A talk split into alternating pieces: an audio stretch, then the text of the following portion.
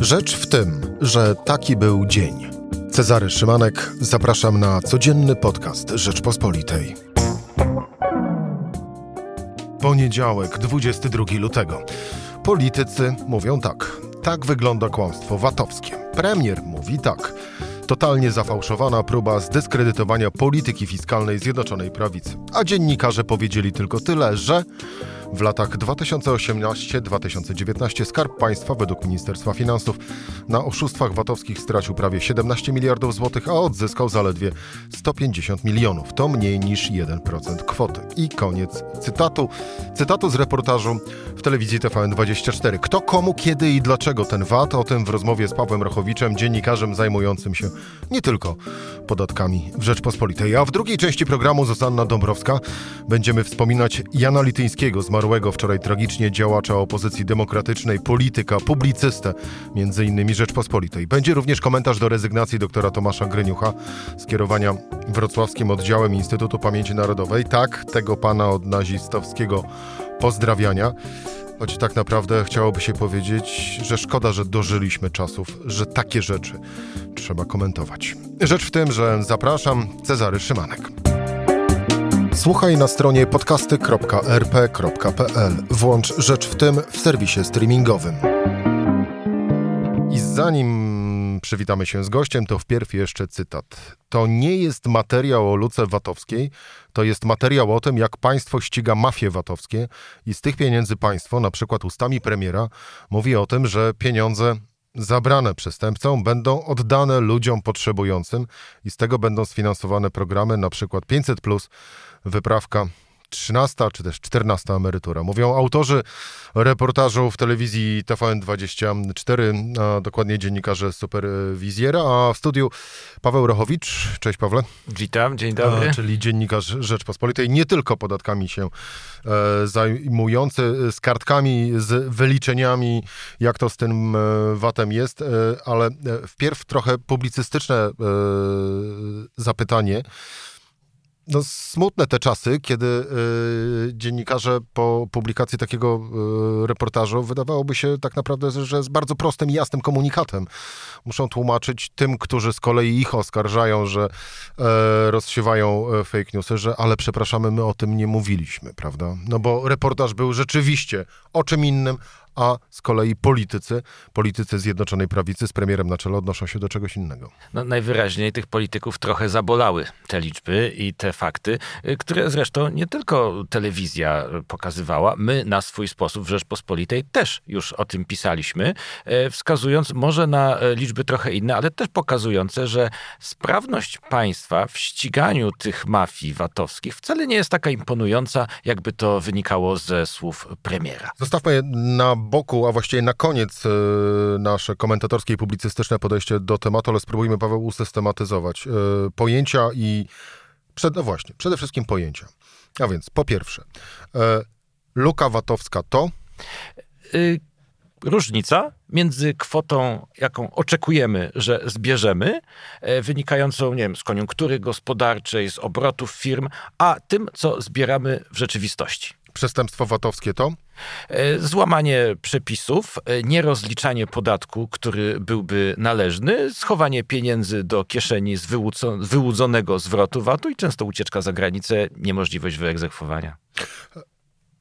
Kłamstwo VAT-owskie to określenie e, bardziej polityczne i polityczna publicystyka, by nie powiedzieć od taki bonmocik, ale zanim z kolei kryje się co innego, a mianowicie ściągalność pieniędzy, które zostały, nazwijmy rzecz po imieniu, ukradzione nam wszystkim w ramach procederu e, mafii VAT-owskiej. No jeszcze powiedzmy tak, że y, kłamstwo tutaj może polegać na tym, że są pewne pieniądze, finansujemy pewne programy społeczne, ale one niekoniecznie pochodzą ze zwalczania przestępczego procederu. Bo przez kilka ostatnich lat, e, wyjąwszy rok 20, kiedy no wiadomo nastąpiło zamieszanie, była fantastyczna koniunktura gospodarcza. Firmy, restauracje, hotele, te, które dzisiaj nie działają albo działają na pół gwizdka, e, znakomicie zarabiały wpływały pieniądze do budżetu, między innymi dzięki rzeczywistym uszczelnieniom systemu, tak, bo były pewne metody, które je skłoniły do uczciwego płacenia VAT-u. No i w ten sposób kasa państwowa się e, napełniała. Gorzej, że, i co potwierdzają liczby z Ministerstwa Finansów, z roku na rok dramatycznie rośnie kwota nieściągniętych należności VAT-owskich niewyegzekwowanych prawda? I y, jeżeli y, tutaj y, mówimy o, o, kłamstwie, no to, to wyrwaliśmy z rąk mafii te miliardy i daliśmy je polskim rodzinom. No nie wyrwaliśmy. No, raczej nie. To te pieniądze pochodziły raczej z dobrej koniunktury, co wielu ekonomistów to, to potwierdza. No, nazwijmy tak naprawdę bardzo stanowczo rzecz po imieniu. No właśnie, te wszystkie pieniądze, które są pompowane w różnorakie programy y, społeczne, przede wszystkim, czyli owe wspomniane 500+, plus, wyprawka 13 czy 14 emerytura, tak, one pochodzą z podatków, ale one pochodzą z podatków, w tym z podatku VAT, które wszyscy legalnie płacimy. Natomiast jeżeli chodzi o te pieniądze, które państwo traci wskutek przestępstw na podatku e, VAT, e, no do skarbu państwa e, nie, nie, nie wracają. Dlaczego państwo jest tak mało udolne, bądź też mało skuteczne? Y, też może nie potępiajmy w szambu wszystkiego, bo państwo okazało się do pewnego stopnia skuteczne w nakłonieniu tych uczciwie działających firm do tego, aby całość swoich obrotów deklarowały i odprowadzały od tego podatki. E, to e, jest między innymi za pomocą zelektronizowania rozliczeń, wprowadzenia tak zwanych jednolitych plików kontrolnych. To jest wszystko takie uszczelnienie systemu, które na pewno do pewnego stopnia zadziałało. No natomiast, jeżeli ci, którzy no, nie są przedsiębiorcami, trudno ich nazwać przedsiębiorcami, jeżeli to są po prostu wyłudzacze podatków. No to są po prostu przestępcy. Tak, e, którzy też wciągnęli w ten proceder podstawionych słupów tak zwanych, Wciągnęli też często uczciwie działające nieświadome firmy. Sami na tym zarobili i z pieniędzmi uciekli na różne egzotyczne wyspy. No, nie sposób ich tam dosięgnąć. Często też nie sposób ich e, złapać. Dlaczego?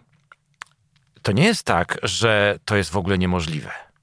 Zwróćmy uwagę na to, że w ostatnich latach przeprowadzono reformę służb skarbowych przy okazji której to reformy, która pięknie brzmiała, zwłaszcza w ustach wiceministra Mariana Banasia, który był wiceministrem finansów odpowiedzialnym za tę reformę, niestety zlikwidowano poprzednie urzędy kontroli skarbowej, w których pracowało wielu doświadczonych skarbowców, policjantów skarbowych. Takich, tacy, którzy no, znali swój fach, wiedzieli, gdzie pójść, żeby złapać tego, który y, to rzeczywiście nakręca. I później paradoks, Najwyższa Izba Kontroli pod dowództwem tegoż samego człowieka, który wcześniej był wiceministrem, wydała bardzo krytyczny raport mówiący o tym, że tutaj pozbyto się ludzi, którzy mogliby złapać za rękę tego i owego oszusta. No, w sumie pełna zgoda, no bo któż miałby lepiej wiedzieć, co zostało zepsute, jak nie sam autor, który e, to e, zepsuł. Ale wróćmy e, do tej bardzo dużej rozbieżności między tym, co udało się odzyskać, a tym, co straciliśmy. Te 17 miliardów złotych po stronie strat, po stronie odzyskanych pieniędzy 150 milionów złotych. To są dane za 2018-2019. Bardzo duża dysproporcja. No bardzo duża dysproporcja, świadcząca o tym, że e, tak prawdziwi e, złoczyńcy tutaj podatkowi są nieuchwytni. E, tu jest tak często, że łapie się te firmy, które zostały wciągnięte w ten oszukańczy proceder i które dysponują jakimś majątkiem. Oczywiście są też ludzie, którzy szukali jakiegoś zajęcia, byli bezrobotni, zagrożeni eksmisją z mieszkania, których ktoś tam przypadkowo namówił, a załóż firmę, będziesz miał tutaj jakieś wynagrodzenie za uczestnictwo. Oczywiście nie padało słowo karuzela. Z takich ludzi, którzy sami są zadłużeni i nie mają majątku, oczywiście tego się nie da wyegzekwować. Od tych uczciwych firm często się udawało, ale i one coraz częściej sięgają po fachowców, doradców podatkowych i udowadniają na różne sposoby, że zweryfikowały swoich kontrahentów, że sprawdzały te dostawy e, i jeżeli tylko udowodnią, że rzeczywiście dochowały należytej staranności, to jest to bardzo ważne pojęcie, należyta staranność, e, zdarza się, że w sądach już wygrywają sprawy i fiskus znowu nie jest w stanie od nich tego podatku wyegzekwować. Ale to w takim razie, e, jak to jest? To ci przestępcy stali się jeszcze lepsi, czy, yy, czy są na takim samym poziomie, jeżeli chodzi o znajomość swojego w cudzysłowie mówiąc, fachu, e, a to urzędnicy aparatu skarbowego są nie tyle co coraz gorsi, ale powiedzmy, no, nie radzą sobie z tym z tym problemem. Wiele bym dał za to, żeby odbyć szczerą rozmowę z wysokim urzędnikiem administracji skarbowej, który szczerze by powiedział, jak to jest. Czy rzeczywiście e, te działania są skuteczne i czy rzeczywiście e, mamy tu jakieś potencjalne przynajmniej możliwości ściągnięcia tego. Niestety, no, po stronie Ministerstwa Finansów i Krajowej Administracji Skarbowej jest ściana milczenia. E, na, gdy jakiś rok temu pisałem napisałem artykuł na ten temat, no, otrzymałem bardzo wykrętną, no właściwie żadną odpowiedź na pytanie o to, dlaczego rok do roku rosną zaległości niewyegzekwowanego podatku VAT.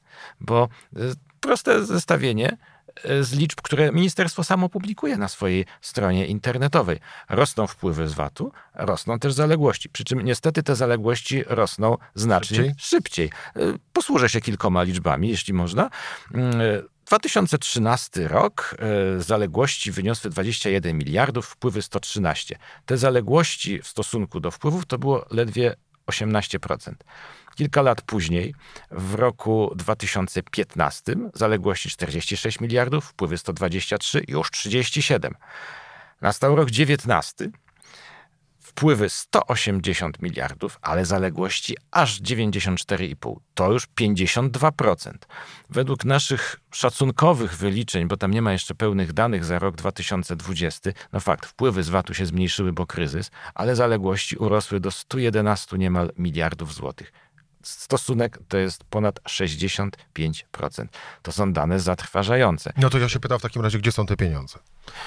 E, często na papierze po prostu, tak jak pisaliśmy u nas, VAT wyrwano mafiom tylko na papierze, bo to są to kwoty y, ustalone przez organy skarbowe, ale ustalone często w stosunku do pana Jana Kowalskiego, który boryka się z trudnościami finansowymi i został wciągnięty w oszukańczy proceder, który, z którego nie ma jak wyegzekwować. Często są to też kwoty będące e, kwotą sporną pomiędzy podatnikiem a organem skarbowym. Nie zawsze też zresztą związane z karuzelami VAT-owskimi. No właśnie, bo y, y, tak naprawdę najważniejsze chyba pytanie dotyczące owych liczb y, brzmi następująco.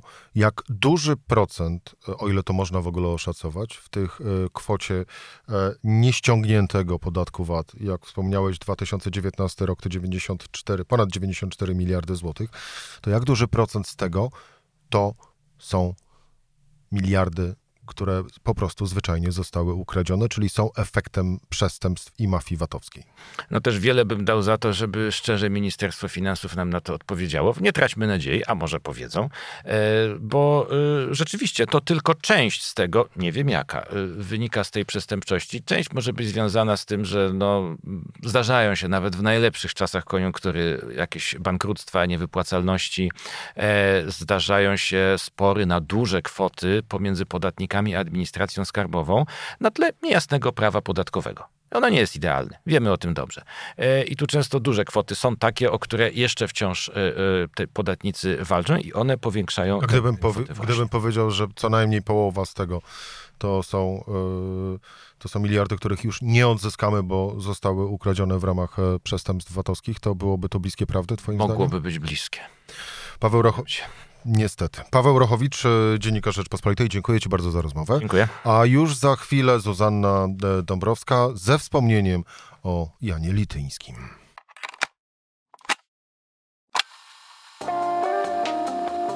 Rzecz w tym, że to jest podcast Rzeczpospolitej. Miał 75 lat. Jan Lityński zmarł wczoraj, czyli w niedzielę. Tragicznie. W studiu Zuzanna Dobrowska, dziennikarka e, Rzeczpospolitej. Witam cię, Zuza. Dzień dobry. Znaliście się, prawda?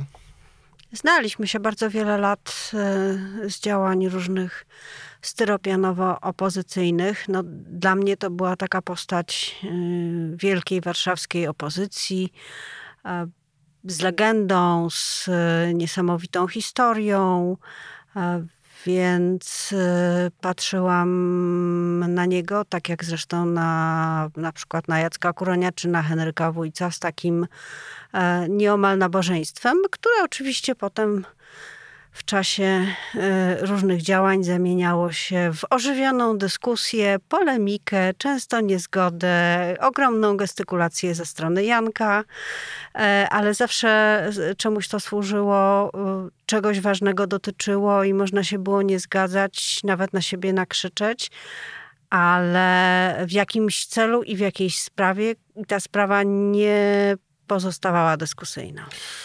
Ewa Kulik-Bielińska, dyrektorka Fundacji Batorego, e, na łamach Okopres wspominała tak. Pierwsza myśl umarł tak jak żył, idąc za odruchem serca, ratując naszych braci mniejszych, bo próbował wyciągnąć swojego ukochanego pieska z narwi. Może to lepsza śmierć, niż gdyby go dopadł COVID albo rak. Może ta śmierć bardziej pasuje do biografii tego naszego pokolenia. Koniec cytatu. No bo to jest pokolenie od skakania główką w dół. I w zależności od tego, co udawało się uzyskać, co udawało się zrobić, kogo udawało się uratować, albo okazywało się, że w tym basenie woda była, albo jej nie było. A do tego wszystkiego jeszcze Janek w wodzie wcale nie czuł się dobrze. Więc e, on i to pokolenie e, potrafiło e, przeskakiwać samych siebie, przełamywać własne ograniczenia, własny strach. Oczywiście bardzo chcieli, szczególnie potem, kiedy, kiedy przyszła Solidarność po 1989 roku, bardzo chcieli, żeby świat wyglądał tak, jak oni go sobie zaplanowali, ale rzadko jest tak, że coś wygląda tak, jakbyśmy chcieli, żeby wyglądało. Stąd znowu e, bardzo długie dyskusje, spory, podziały, e, ale znowu zawsze o coś. E, I nawet jeżeli nie zgadzało się ze sposobem e, widzenia świata realizacji, to bezdyskusyjne e, były pobudki, dla których się to robi, pobudki, które były dobre. Ale w polityce po 1989 roku, e, choć wielka szkoda, ale miejsca nie zagrzał za bardzo, prawda? Oprócz doradzania Bronisławowi Komorowskiemu od 2015, znaczy do, do kampanii do 2015 roku. No to też o czymś e, świadczy. To świadczy o tym, jaka się stała e, polska polityka. Przecież nie on jeden. Podobnie Henryk Wujec, też gdzieś e, na obrzeżach, gdzieś na zapleczu. Trzeba podkreślić jedną bardzo ważną cechę tego środowiska. To byli ludzie, mówię byli, bo naprawdę, no niestety coraz więcej z nich odchodzi, niesamowicie lojalni wobec własnej formacji, wobec własnej, nawet tak się mówiło, przecież rodziny, takiego środowiska. I y, zawsze potrafili y, postawić dobro, y, to wspólne dobro, nad swój własny doraźny interes. Jeśli się to nie udawało, to usuwali się na bok, ale nie szli przeciwko swoim byłym przyjaciołom E, z, z szablą, e, bo tego się po prostu nie robi, bo między przyjaciółmi, między ludźmi, którzy kiedyś sobie ufali tak, że potrafili oddać swój los w ręce drugiego człowieka, nie należy tak się bić. I to jest chyba jedyne z nami środowisko w polskiej polityce, które tak wobec siebie się zachowywało. Stąd y, czasem były gorzkie słowa na przykład Jacka Kuronia, że gdzieś tam zda zdarzyło się ileś błędów.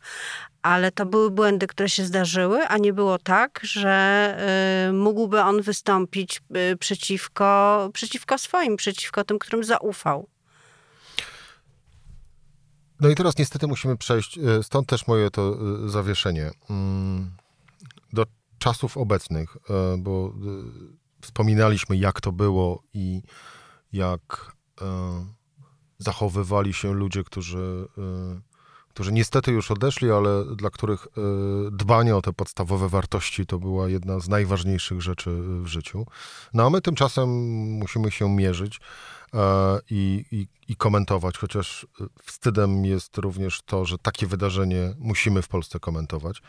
Czyli e, oto e, dr Tomasz Greniuch złożył rezygnację z funkcji kierowania wrocławskim oddziałem Instytutu Pamięci na, na, Narodowej. Dla wszystkich, chociaż podejrzewam, że wszyscy wiemy i Państwo również o kim mowa, ale to dla przypomnienia, że to jest ten pan od nazistowskiego pozdrawiania. trudno się zestawia, prawda, te dwie opowieści. To, co przed chwilą ty mówiłaś o Janie Lityńskim i z tą naszą rzeczywistością, z którą my się musimy na co dzień e, mierzyć, bo kto się nam, znaczy dobrze wiemy kto, ale kto się nam funduje. Takie mam wrażenie, że wystarczy na chwilę odwrócić wzrok, że siedzisz w takim fotelu na tarasie, jest pięknie, a potem odwracasz wzrok i nagle wszystko wypełza gdzieś tam z, e, z kątów, bo straciłeś na chwilę czujność, bo się zamyśliłeś, zacząłeś czytać książkę, zajmować się innymi sprawami, a tu nagle, proszę bardzo, wyłazi złe takie e, okropne coś. No tak niestety, tak niestety jest, ale to oczywiście jest, e, dzieje się tak ze sprawą odpuszczenia standardów, czy też może nawet y, y, odpuszczenia myślenia o tym, jak, jak powinno wyglądać życie publiczne czy, czy polityka. Nie, nie udało się samym nam sobie, także mediom Dlatego mówię, mówię w pierwszej osobie liczby mnogiej. E, nie udało nam się samoograniczyć w taki sposób, żeby można było bez, bez wstydu i bez wstrętu zawsze patrzeć na tę scenę polityczną, bo wypadki zdarzają się zawsze. Każda, w każdym kraju najbardziej demokratycznym może dojść do jakiejś gorszącej, e, gorszącej sceny, w przypadku korupcji, kradzieży, nielojalności. Pewnie, że tak. Ludzie są ludźmi i zawsze tak bywa. Ale e, teraz obawiam się, że w Polsce z takich zachowań i z takich niebezpieczeństw składa się polityka. To nie jest wypadek, tylko codzienność i to zaczyna mnie przerażać. Codzienność, która, no właśnie, codzienność, z którą coraz więcej ludzi niestety y, nie ma, nie ma problemu. Czy Twoim zdaniem Jarosław Szarek, czyli y, prezes Instytutu Pamięci y, Narodowej, który zresztą notabene dzisiaj o 14 zwołał konferencję prasową, na którą wyszedł tylko, odczytał komunikat i, i wyszedł, nie godząc się na jakiekolwiek pytania ze strony dziennikarzy. To dla, tak dla przypomnienia E, panu prezesowi Szarkowi. Od tego są konferencje prasowe, żeby dziennikarze mogli zadawać pytania. E, to cały czas jest jeszcze standard demokratycznego kraju. E, czy Jarosław Szarek powinien sam podać się do dymisji z funkcji prezesa Instytutu Spra- Pamięci Narodowej? Może powinien, ale tak naprawdę nie musi. Kadencja mu się kończy. To mogłaby być okazja do tego, żeby spróbować dać... Wyjść z twarzą.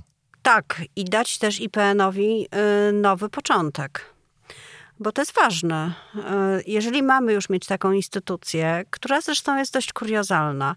Ja przypomnę, że e, przecież IPN składa się z dwóch pionów i ten pion śledczy prokuratorski rządzi się zupełnie innymi prawami niż pion naukowy. Mm, dysponuje coraz większymi pieniędzmi z roku na rok. Więc to jest ważna instytucja. I skoro już ją mamy, to ona powinna czemuś dobremu służyć. Powinna służyć pamięci, nie powinna służyć ograniczaniu tej pamięci. A to jest takie Orwell, taka orwellowska odwrotka, że jeżeli coś nazwiemy w jakiś e, konkretny sposób, e, to znaczy to właśnie wręcz e, coś przeciwnego. I ten Instytut Pamięci Narodowej został Instytutem Złej Pamięci Narodowej. To jest nie tylko przykre, ale też rzutuje na przyszłe pokolenia. Tyle, że ja się zawsze pocieszam, przypominając sobie jakiś stosunek do złej pamięci narodowej miała na przykład moja klasa humanistyczna w liceum, e, e, w jednym z wrocławskich liceum, to wiem, że my dokładnie szukaliśmy właśnie tej odwrotki, czyli wiedzieliśmy, że jest źle i mam nadzieję, że to pokolenie, które teraz się uczy historii, szuka wiadomości, się tym interesuje, nie poprzestanie na tym, co serwuje Instytut Niepamięci Narodowej. Powiem ci tak, że jak patrzę z kolei e, na młodych autorów, którzy e, i aktywistów klimatycznych i również autorów, którzy również piszą właśnie na łamach Rzeczpospolitej, e, to jest nadzieja, bo oni się właśnie tak zachowują, jak ty, jak ty mówisz. Zuzanna Dąbrowska, Rzeczpospolita, bardzo dziękuję ci za rozmowę. To była Rzecz w tym w poniedziałek. Cezary Szymanek. Do usłyszenia jutro o tej samej porze.